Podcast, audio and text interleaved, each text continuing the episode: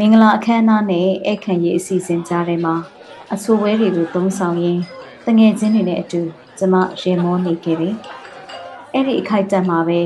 တခြားဧည့်သည်တစ်ဖွဲ့ကိုကျမလှမ်းကြည့်လိုက်မိတယ်။အမျိုးသမီးတဦးကကျမရဲ့ခြေထောက်တွေကိုမျက်တောင်တစ်ချက်မှမခတ်ဖဲနဲ့ရဲတင်းပွင့်လင်းစွာနဲ့စိုက်ကြည့်နေပါတယ်။သူမရဲ့မျက်နှာမှာလည်းမနှစ်မြို့တဲ့အမှုအရာမျိုးစင်သားပေါ်နေပါတယ်။ ကျမလည်းမြင်မြင်ရှောင်ထွက်လာခဲ့တယ်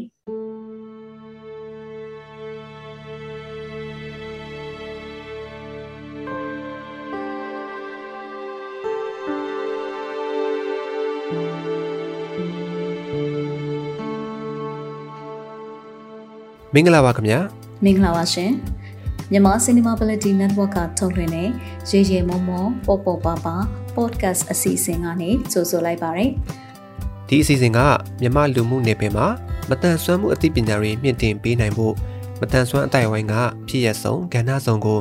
မတူညီတဲ့ရှုထောင့်ပေါင်းစုံကနေလွတ်လပ်ပွင့်လင်းတဲ့တွေးခေါ်ဆင်ခြင်နိုင်မှုတွေနဲ့မျှဝေလိုချသူတွေရဲ့အတန်တွေကိုပြုစုပြောင်းထောင်ဖော်ထုတ်ပေးနေခြင်းဖြစ်ပါတယ်။ ဒီစီစဉ်ကိုအပတ်စဉ်စနေနေ့ည9:00နာရီတိုင်းကျမတို့ရဲ့ Facebook စာမျက်နှာနဲ့ anchor.fm/mca network တို့ကနေစောင့်မျှော်နားဆင်နိုင်မှာဖြစ်ပြီး Anchor ကနေအခြားသော Apple Podcast, Google Podcast, Spotify, Breaker တို့အပြင် MCA network ရဲ့ YouTube channel မှာလည်းတွားရောက်နားထောင်နိုင်ပြီဖြစ်ကြောင်းဥစွာအသိပေးလိုပါတယ်။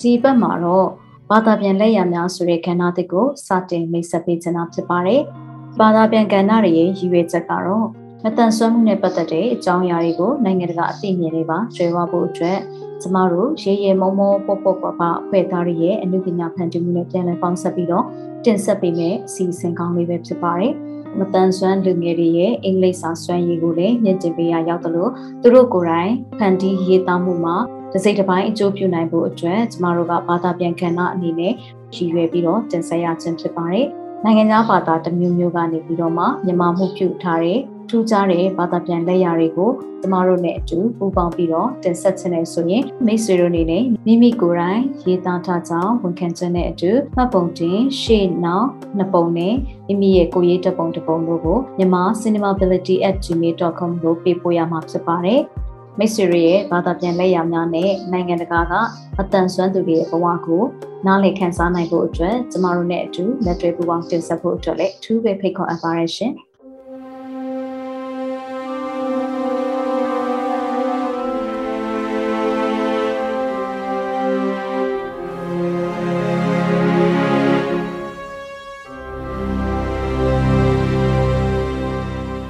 ဒီစီစဉ်မှာပွဲဥထွက်အနေနဲ့ မြမငယ် Olivia Ma က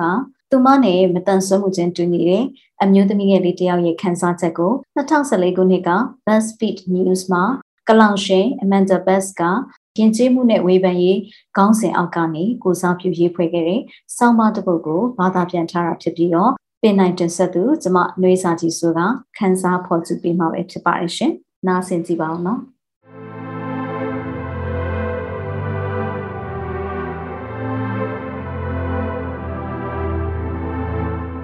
ကျမမှာခါးစစ်အနှင်းအိတ်ကျွံယောဂရှိပါတယ်။ကျမကလှပပါတယ်။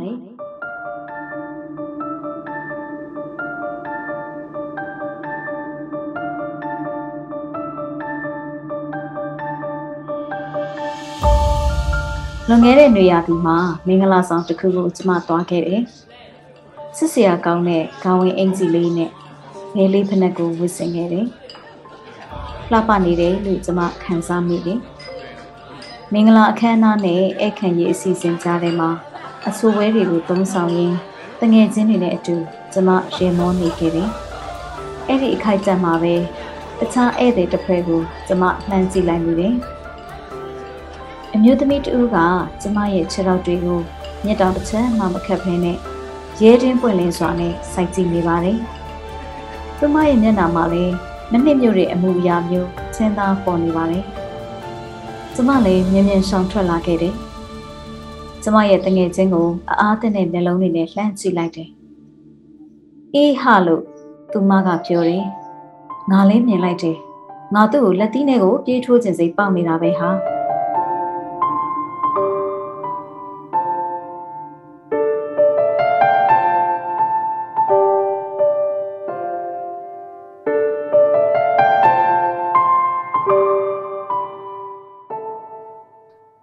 ပိုကောင်းတဲ့ကလေးဘဝကို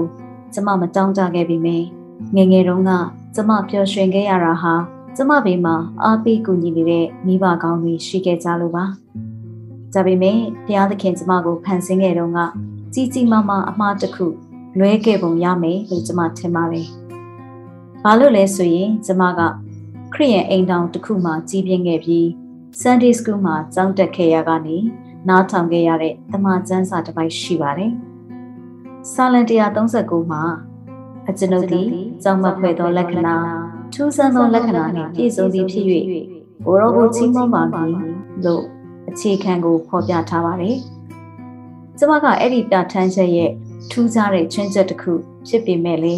သိကြတာကတော့ချစ်ရတဲ့ဘုရားသခင်ကကျမကိုတမင်တကာဒီလိုဖန်ဆင်းပေးခဲ့တာမျိုးမဟုတ်ခဲ့ပါဘူးဆိုတာကိုကျမသတိမမူမိတာဖြစ်ကောင်းဖြစ်နိုင်ပါတယ်။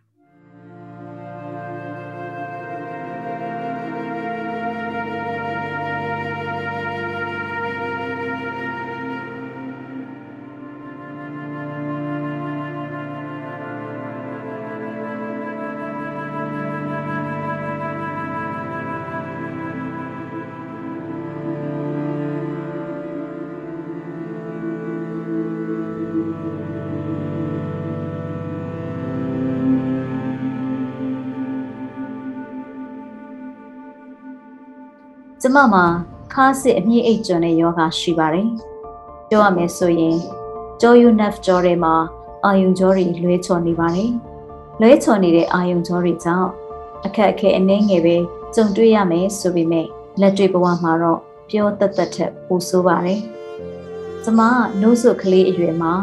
ခန္ဓာကိုယ်တစ်ဖက်ကနေအခြားတစ်ဖက်ကိုခွဲစိတ်ထားတဲ့ကြောယူနက်ကြောခွဲစိတ်တန်းရအမယုတ်ကြီးရှိနေပါတယ်။ကျမရဲ့ခြေထောက်တွေဟာ ကွေးနေပြီးနှစ်ဖက်စလုံးမှာအရွယ်အစားမညီသလိုဖြစ်နေပါတယ်။ခြေသလုံးကြွက်သားတွေကလည်းတကယ်ကိုမရှိသလောက်နီးပါးပါပဲ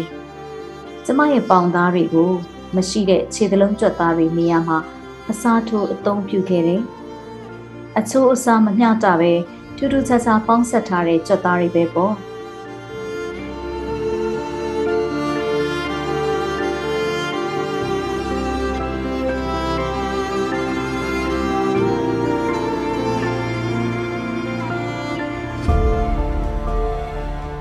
ကျမနောက်ပြန်ချော်လဲမိတာပဲဖြစ်ဖြစ်ဒါမှမဟုတ် Pilates class မှာလေ့ကျင့်စဉ်နေရာမှာပြီးထိခိုက်မိတာပဲဖြစ်ဖြစ်ကျမခြေတော့အထက်အောက်ကိုလျှက်စစ်တက်လိုက်တယ်လို့မျိုးခံစားရပြီးယာယီအကျော်တည်သွားတတ်ပါသေးတယ်။ရာသီဥတုအမတန်ပူပြင်းလွန်းတဲ့ရက်တွေမှာတေချာပေါက်ခံစားရမယ့်အပူရှက်တာကိုကာကွယ်နိုင်ဖို့ခန္ဓာကိုယ်ရင်းလိုအပ်တဲ့ဆေးဝါးတွေကိုကျမညှိဝဲရပါတယ်။ကျမဟာ၆ခုပြခြေစွပ်အထင်းကို မလှမပတဲ့ဖက်နှက်တွေနဲ့ထွေးဖက်ပြီးဝတ်ဆင်ရပါတယ်။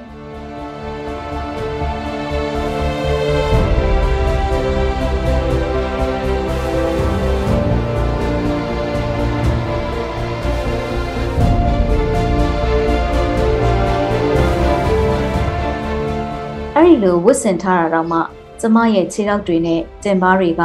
ချိန်လုံးနှာကျင်နေတတ်ပါတယ်။ မိုးရွာတဲ့အခါမျိုးမှာဆိုရင်ကျမရဲ့ခန္ဓာကိုယ်ကတဆစ်စစ်နဲ့ကြိုက်တတ်ပါတယ်။ခါးစစ်ယူအမေးအိတ်ကျွံယောဂခံစားရတဲ့အများစုဟာဝီချာပုံမှာပဲနေရလိရှိပြီးထင်ရှားတဲ့ရုပ်ပိုင်းဆိုင်ရာမတန်ဆွမ်းမှုများစွာရှိနေတတ်ပါသေးတယ်။ဆရာဝန်ကကျမရဲ့မိဘတွေကိုကျမလမ်းလျှောက်နိုင်မှာမဟုတ်ဘူးလို့ပြောခဲ့ကြတယ်။ဒါပေမဲ့ကျမလမ်းလျှောက်နိုင်ခဲ့ပါတယ်။ကျမရဲ့အကြောင်းတရားအများစုကိုဘာလို့ဖုံးကွယ်ထားသလဲဆိုတာ ကျမစပိန်နဲ့ရေလွှာရှော့စီးတာကိုဘာလို့စီးပြနိုင်လဲဆိုတာ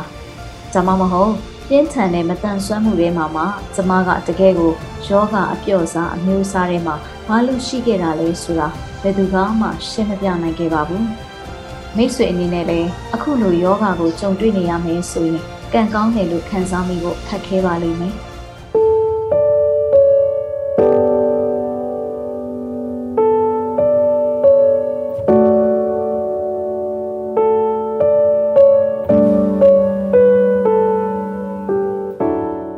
လေးဘဝမှာကျမငိုခဲ့မိပါတယ်။ဘာလို့လဲဆိုရင်ယောက်ျားလေးတစ်ယောက်ရဲ့အချစ်ခံရဖို့အထိရှိတဲ့အလှတရားကျမမှာဘယ်တော့မှရှိလာမှာမဟုတ်ဘူးလို့ခိုင်မာယုံကြည်မိတဲ့အတွက်ကြောင့်ပါ။ဒီနေ့ဒီမှာကျမပုံမှန်ဘဝကိုပြန်ရလိမ့်မယ်လို့မျှော်လင့်ရင်အများကြီးဆုတောင်းမိခဲ့တယ်။ကျမကိုလူတွေကအပြင်ပန်းကနေကြည့်ပြီးကျမဘာဖြစ်နေလဲဆိုတာမပြောပြနိုင်ဘူးဆိုတာကိုကျမသိနေပါတယ်။ ဒါပေမဲ့သူတို့အမှန်တရားကိုသိသွားကြပြီဆိုရင်လေကျမကိုသဘောကျတော့မှမဟုတ်ဘူးဆိုတာကိုလည်းကျမယုံကြည်နေမိပါတယ်။ဒါကြောင့်ကျမရဲ့လျှို့ဝှက်ချက်ကိုတတ်နိုင်သမျှဖုံးကွယ်ထားခဲ့တယ်။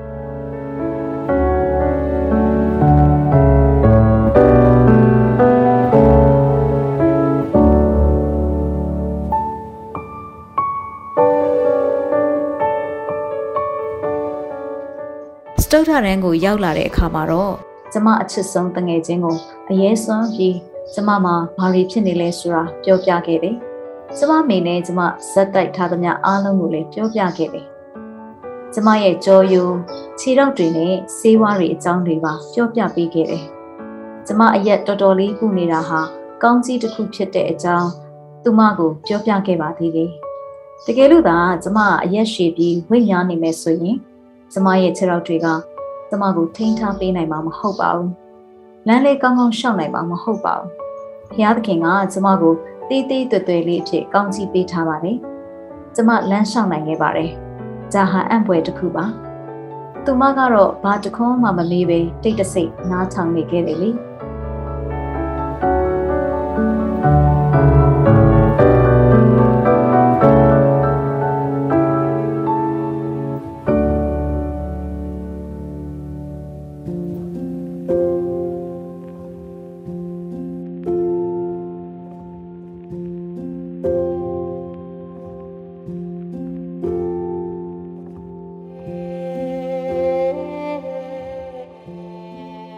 လောက်လဲကြာပြီးရောနေ့လယ်စာစားချိန်မှာအတန်းထဲကမိန်းကလေးတယောက်ကလှည့်လာပြီးတော့ဟေးငါတို့အားလုံးနင်းစီမှာခန္ဓာကိုယ်မထွားတဲ့ပြဿနာရှိနေတယ်ဆိုတာသိထားပြီးပြီမဟုတ်ဘူးငါအဲ့လိုမဟုတ်ဘူးငါအဲ့လိုမဟုတ်ဘူးကျမသူတို့ကိုအော်ပြစ်လိုက်ပါတယ်ကျမရဲ့အချစ်ဆုံးတငယ်ချင်းကကျမစီကိုရောက်လာပြီးပြောပါတယ်အေးနင်ငါ့ကိုပြောပြထားတဲ့အတိုင်းပဲလေ သူတို့သိကြတယ်ကျမမှာတခုခုဖြစ်နေတယ်ဆိုတာသူတို့သိကြတယ်ဒါပေမဲ့ဒါဟာတကယ်အမှန်တရားမဟုတ်ပါဘူးထူးဆန်းတဲ့ထိတ်လန့်စရာတွေလိန်ညာမှုတွေပါဝင်နေတဲ့အမှန်တရားပဲဖြစ်ပါတယ်အဲ့ဒါဟာကျမမဟုတ်ဘူးတီတိုပြောတဲ့တွေကိုကျမကြားနေရတယ်ကျမတို့ရဲ့ခင်မင်ရင်းနှီးမှုတွေဟာလည်းပြောင်းလဲသွားခဲ့ပြီဆိုတာခံစားမိတယ်ကျမမှာခန္ဓာကိုယ်ဖွံ့ဖြိုးမှုနှေးတဲ့ပြဿနာရှိတယ်လို့ပဲသူတို့ထင်နေကြတယ် ဒါပေမဲ့မဟုတ်ပါဘူးအဲ့ဒါဟာခါယုံမှာအပေါက်ဖြစ်နေတဲ့ပြဿနာပါအ ਨੇ ဆုံးတော့အမှန်တရားကို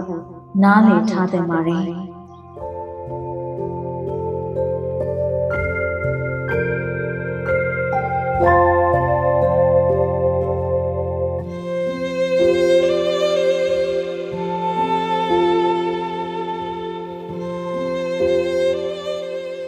ကျမရဲ့လျှို့ဝှက်ချက်ကို ဖုံးကွယ်နိုင်သမျှဖုံးကွယ်ထားလေးဖြစ်နေပါတယ်။ကျောင်းမှာဘောင်းမီတို့ဝေးဖို့ကျမရှောင်နေခဲ့ပါတယ်။ဘာလို့လဲဆိုရင်လူတွေကျမရဲ့ခြေထောက်တွေမညီတာကိုမမြင်ရအောင်လို့ပါ။ကွေးနေတဲ့ခြေချောင်းလေးတွေကိုလည်းပိုပြီးကြည့်လို့လှအောင်အစင်တစိုက်ခြေသေးနေဆိုးခဲ့ပါတယ်။ကျမတို့မိသားစုတွေမှာပြောလေးပြောထားရှိတာကတော့ကျမရဲ့ခြေထောက်တွေဟာဘုံမယုတ်လေးရဲ့ခြေထောက်လိုမျိုးကြောင်းမြင့်ပုံစံထာဝရဖြစ်နေတယ်တဲ့ အထက်တန်းကျောင်းမှာတော့ကတငယ်ချင်းတွေကကျမရဲ့ခြေထောက်တွေကို Berenstein ဝဝင်ရဲ့ခြေထောက်တွေနဲ့တူတယ်ဆိုပြီးလှောင်ပြောင်ခဲ့ကြတယ်လीအထက်တန်းကျောင်းသူဘဝတော့ကကျမဟာသူမရဲ့ကိုယ်ကိုပြန်ကြည့်ပြီးတခစ်ခစ်နဲ့ရင်နေမိပါတယ်။ဒါပေမဲ့ကျမရင်ထဲမှာတော့ဘလောင်ဆူနေခဲ့ပါတယ်။ကျမရဲ့ခြေထောက်တွေဟာဘိုမရုပ်လေးရဲ့ခြေထောက်တွေပါ။ Berenstein ဝဝင်ရဲ့ခြေထောက်တွေမဟုတ်ပါဘူး။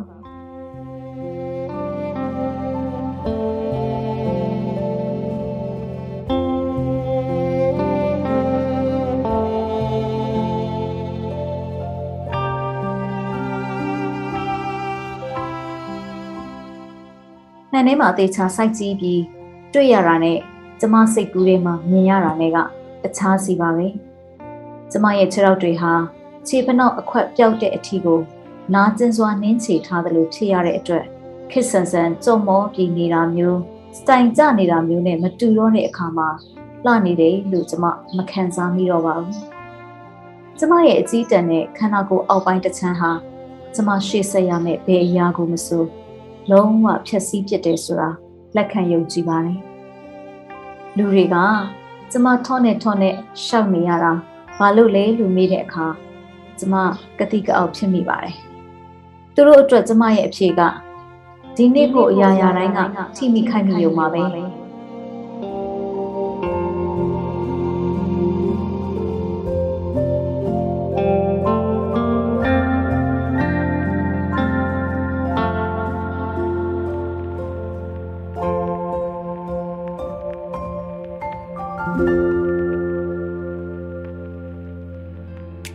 ကျောင်းမြက်ဖက်နဲ့စီးထားတဲ့အရက်မြင့်မြင့်ခြေတန်းရှိရှိမိန်းကလေးတွေနာကိုရောက်တဲ့အခါ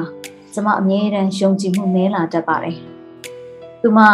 မင်းရဲ့ခြေထောက်တွေကိုမနှိမ့်ညွတဲ့အမူအရာမျိုးနဲ့စိုက်ကြည့်နေတဲ့အချိန်မှာအဲ့ဒီလိုဒစိမ့်တစ်ယောက်ကိုမျက်လုံးချင်းစုံကြည့်ဖို့ခက်ခဲမိပါတယ်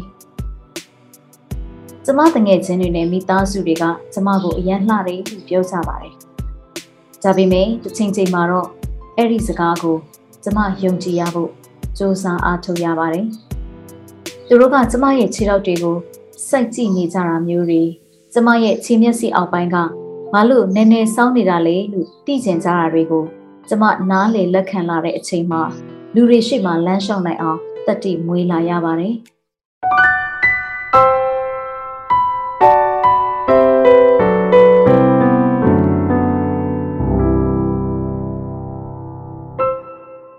အရွယ်နဲ့မလိုက်အောင်ထက်မြက်တယ်ဆိုတဲ့စကားလုံးဟာကျင်းသေးကျမအကြောင်းကို မကြာခဏဖော်ပြနေတယ်လို့ပါပဲ။ဘာလို့လဲဆိုရင်ကျမကအမြဲတမ်းရှိရင်အသက်အရွယ်ထက်ကိုတိတိတသားနှုတ်ပြတဲ့ပုံစံပေါက်နေပါတယ်။ကျမကမိမိကိုယ်ကိုလည်းရှင်းရှင်းလင်းလင်းထုတ်ဖော်ပြောဆိုရပြီးဉာဏ်ရည်ထက်မြက်တယ်ဆိုတာကိုလူတွေနားလည်လာကြတဲ့အခါသူတို့အတွက်အထင်ကြီးလာစေပါတယ်။ကျမရဲ့ဇဝနဉာဏ်ဟာလူတွေကိုအအားသင့်စေပါတယ်။ မူလာတန်းကျောင်းမှာတော့ကတခြားကလေးတွေကကျမကိုအရက်ပုလို့ဝိုင်းဆကြတဲ့အခါမှာအေးလေနင်တို့ကအယုတ်ဆိုးကြတာငါကတော့အရက်ပူရာကနေရှေးလာနိုင်သေးတယ်လေအဲ့ဒီလိုကျမကသူတို့ကိုခွန်းတုံပြန်ခဲ့ပါတယ်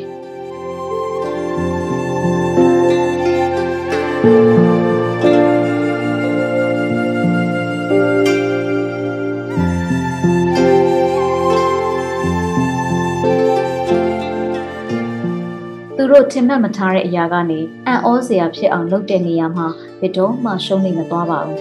။ကြီးနိုင်ငံငင်းလုပ်တဲ့အပေါ်မှာငြိမ်ခံပြီးသိခံတာမျိုးတွေကိုကျမလုံးမှာမဟုတ်ပါဘူး။ကျမရဲ့ဟာတနဲ့ဇဝနဉာဏ်တွေဟာလူတွေကိုမှင်သက်သွားစေပြီးမိတ်ဆွေအဖြစ်ကိုပြောင်းလဲသွားစေပါတယ်။လူတွေကျမအပေါ်အထင်သေးတာကိုရပ်သွားစေဖို့ကလွယ်ရင်တခြားဘာကိုမှမလိုချင်တော့ပါဘူး။ကျမလူကောင်သေးနေတာနဲ့ပဲမစွမ်းဆောင်နိုင်တာတော့မဟုတ်ပါဘူး လက်လန်းမမီတဲ့နေရာတွေကိုလှမ်းဖို့လိုလာတာကလွဲရင်ကျမကငယ်ရွယ်နေတဲ့ပုံပေါက်နေတာနဲ့ပဲအတွေ့အကြုံမရှိတာမဟုတ်ပါဘူးကျမမှာမတန်ဆွမ်းမှုရှိနေုံနဲ့ပဲဘသူနဲ့ပဲရှင်ရှင်အသုံးမကျနေတာမဟုတ်ပါဘူး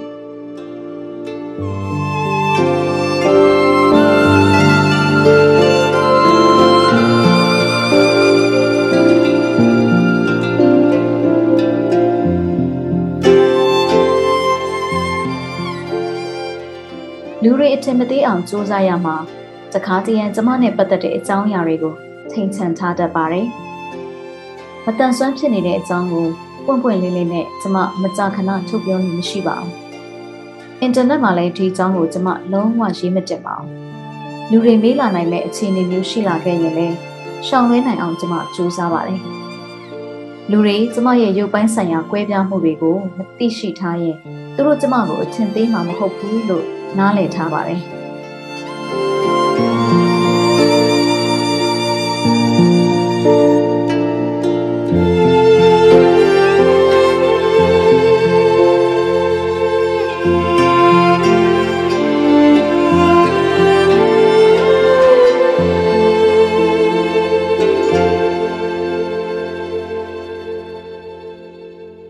မတန်မစွမ်းမိန်းကလေးဖြစ်နေကျမကိုမမြင်စေချင်ပါဘူး ဘာလို့လဲဆိုရင်အဲ့ဒီအရာနဲ့ကျမကိုအတိတ်ပဲတတ်မှတ်ပေးနိုင်မှာမဟုတ်ဘူးဆိုတာကျမသိနေလို့ပါပဲ။အဲ့ဒါဟာကျမဆိုတာကိုဖြစ်လာဖို့အပြေးပါလာတဲ့နှက်ဆိုင်တဲ့အစိတ်ပိုင်းတစ်ခုဖြစ်ပါတယ်။ဒါပေမဲ့ကျမကိုတွေ့ဆုံရတဲ့အခါမှာလူရီကိုပထမဦးဆုံးသိစေခြင်းတဲ့အရာမဟုတ်ပါဘူး။ကျမသူတို့ကိုသိစေချင်တာကကျမဘယ်သူဆိုတာပါပဲ။ကျမမှာရှိနေတဲ့ကျမ်းမာရေးအခြေအနေကိုပြောတာမဟုတ်ပါဘူး။ ကျမကိုလေးလေးနက်နက်နဲ့မှန်မှန်ကန်ကန်သာသိသွားစေခြင်းနဲ့ဆန္ဒတစ်ခုပဲရှိပါတယ်။ကျမလှပလာဖို့ကိုပဲဆုံးဖြတ်ထားပြီးဖြစ်ပါတယ်။ them see. Be the good girl you always have to be. Conceal, don't feel, don't let them know.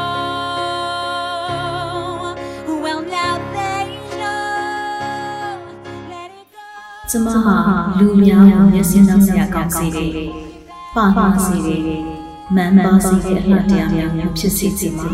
။ကျမဟာတည်ကြည်စေတဲ့စစ်လက်လူသိစိတ်ပြောဆိုပြုမှုစေတဲ့အလှတရားများကိုသာဖြစ်စေချင်ပါတယ်။အဲ့ဒီလိုအလှတရားများဟာမြင်သာသိသိတော်လေကြံ့ကြံ့တန်ပန်စေပါလေ။ဘဝင်မြင့်စေတဲ့ဒါမှမဟုတ်ပါဇက်ဟာဟာဖြစ်စေတဲ့အလှတရားများမဟုတ်ပြီမဲ့ ဩဇာတိတ်တိတ်ကနေပြည့်စုံတဲ့အလှတရားများပဲဖြစ်ပါတယ် Makes everything seem small. And the fears that once controlled me can't get to me at all. It's time to see what I can do. လူဖက်စီရဲ့မျှော်လင့်ချက်တွေကိုကျမတို့နဲ့နိုင်နိုင်နှွှထွေဖြစ်လာဖို့အတွက်တောင်းတပေါ်မှာရဲပြီးတိုင်တေပြနေရမယ်အလှတရားတွေမဟုတ်ပါဘူး ကျမကအမှားသမီးပါကျမရဲ့ဟစ်ကြွေးတွေကြားနေရမယ်ဆိုတဲ့အမြင်မျိုးနဲ့လာနေပြီပို့ပြီးတော့ကျမပါကျမအတော်လေးအဆင်ပြေပါတယ်ကျေးဇူးတင်ပါတယ်ဆိုတဲ့အမြင်မျိုးများလာနေပြီဖြစ်ပါတယ်အဲ့ဒါကိုယ့်ရဲ့အရှိတရားကိုလက်ခံတတ်တဲ့အလှတရားများဖြစ်ပါတယ်။ဒါပေမဲ့အဲ့ဒီအလှတရားဟာ ကျမတယောက်တည်းနဲ့ဟန်တီးယူလို့ရတဲ့အရာမဟုတ်ဘူးဆိုတာလည်းနားလည်ထားပါပါ My power flurries through the air into the ground. My soul is spiraling in frozen fractals all around. ။ကောင်းကောင်းတွေသမုတ်တရားတွေတောင်တန်းတွေပန်းတွေနဲ့တစ်ပင်တွေ ဆေးရုံချင်းပေးခဲ့တဲ့အဲ့ဒီအနုပညာရှင်တူတွေကကျမမအနက်စိတ်ဖန်တီးပေးခဲ့တယ်ပညာများအပေါ်မှာအခြေခံကြပါလေ။ကျမဟာတဘာဝလောကတတ်တဲ့ပုံပြီးရင်သက်ရှုမှုဝယ်ကောင်းပါတယ်။ဘာလို့လဲဆိုရင်အဲ့ဒီအရာတွေလည်းမတူပဲ။ဖျားခင်ကသူ့ရဲ့ပုံသဏ္ဍာန်နဲ့အညီကျမမဖန်ဆင်းပေးလို့ခဲ့ပါတယ်။ အဲ့ဒီအမြင်သဘောထားကကျမအတွက်နားနားသဘောပေါက်ဖို့အနှံ့ဝေးလို့ပါတယ်။အဲ့ဒါကကျမလက်ခံနိုင်တယ်လို့ထင်ပါတယ်။ Sword rage on.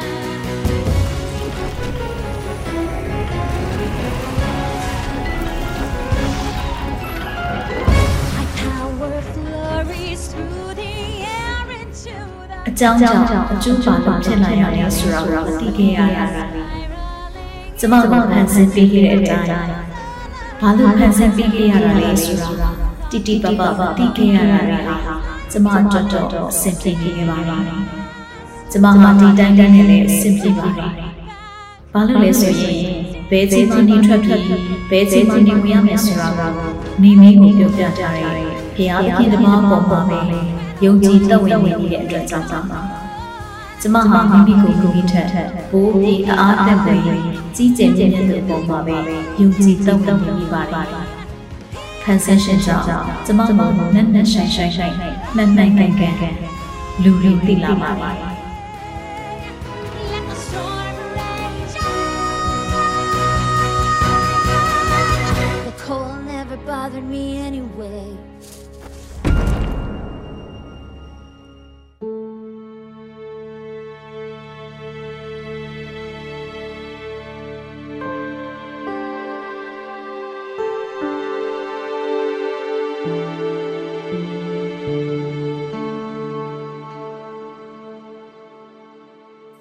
မကလှပနေတော့မှာပါဘာလို့လဲဆိုရင်ကျမကိုတမင်တကာအမျက်တနိုးနဲ့ဖန်ဆင်းထားတဲ့အတွက်ကြောင့်ဖြစ်ပါတယ်ဘယ်သူကမှကျမနဲ့တစ်ထပ်တည်းလေးတူချင်မှတူမယ်ဘယ်သူကမှဒီလိုမျိုးဘဝဇာတ်ကြောင်းတူပြောပြနိုင်ဖို့ရှိချင်မှရှိမယ်ကျမကလွေရင်ဘယ်သူကမှဒီလိုစကားမျိုးရေးချင်မှရေးမယ်တခါတည်းမှာမှန်ကိုအသေးချာကြည့်ပြီးကျမရဲ့ကိုယ်ပိုင်အလှကိုဖွင့်ဟစင်မှာပဲကျမဟာဆက်လက်ပြီး ဒီတိုင်းလှုပ်ဆောင်နေအောင်မှာပါဘာလို့လဲဆိုရင်စัจ java လာဖန်ဆင်းရှင်ကကျမဟာတကယ်ကိုအအားသင့်ပွေရာကောင်းတယ်လို့မှတ်ယူထားလို့ပါ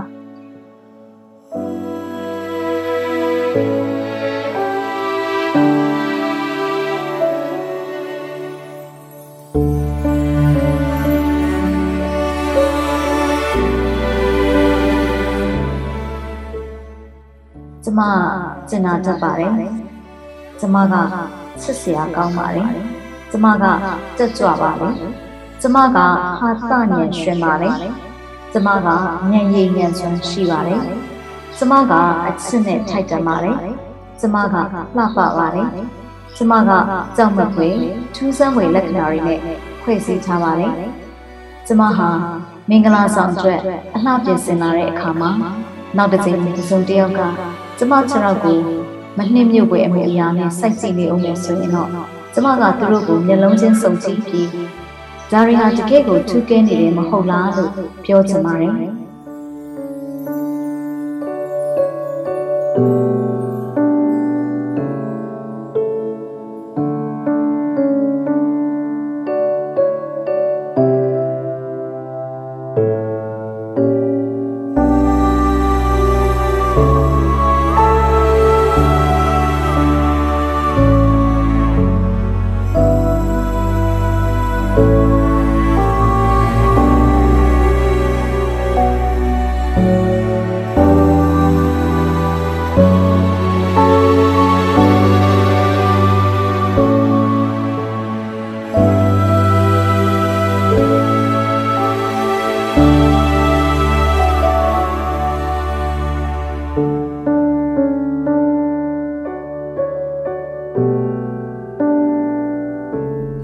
စီအစဉ်ကိုမိတ်ဆွေတို့အနေနဲ့အစအဆုံးနားထောင်ပြီးပြီဆိုရင်တော့မိမိတို့ရဲ့သဘောထားမှတ်ချက်များကို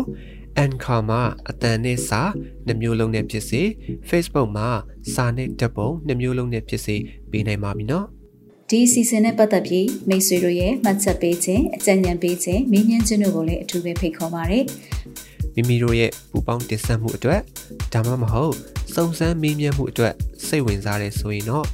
မြန်မာ cinemaability@gmail.com ဒါမှမဟုတ်တင်ဆက်သူများရဲ့ Viber နံပါတ်များဖြစ်တဲ့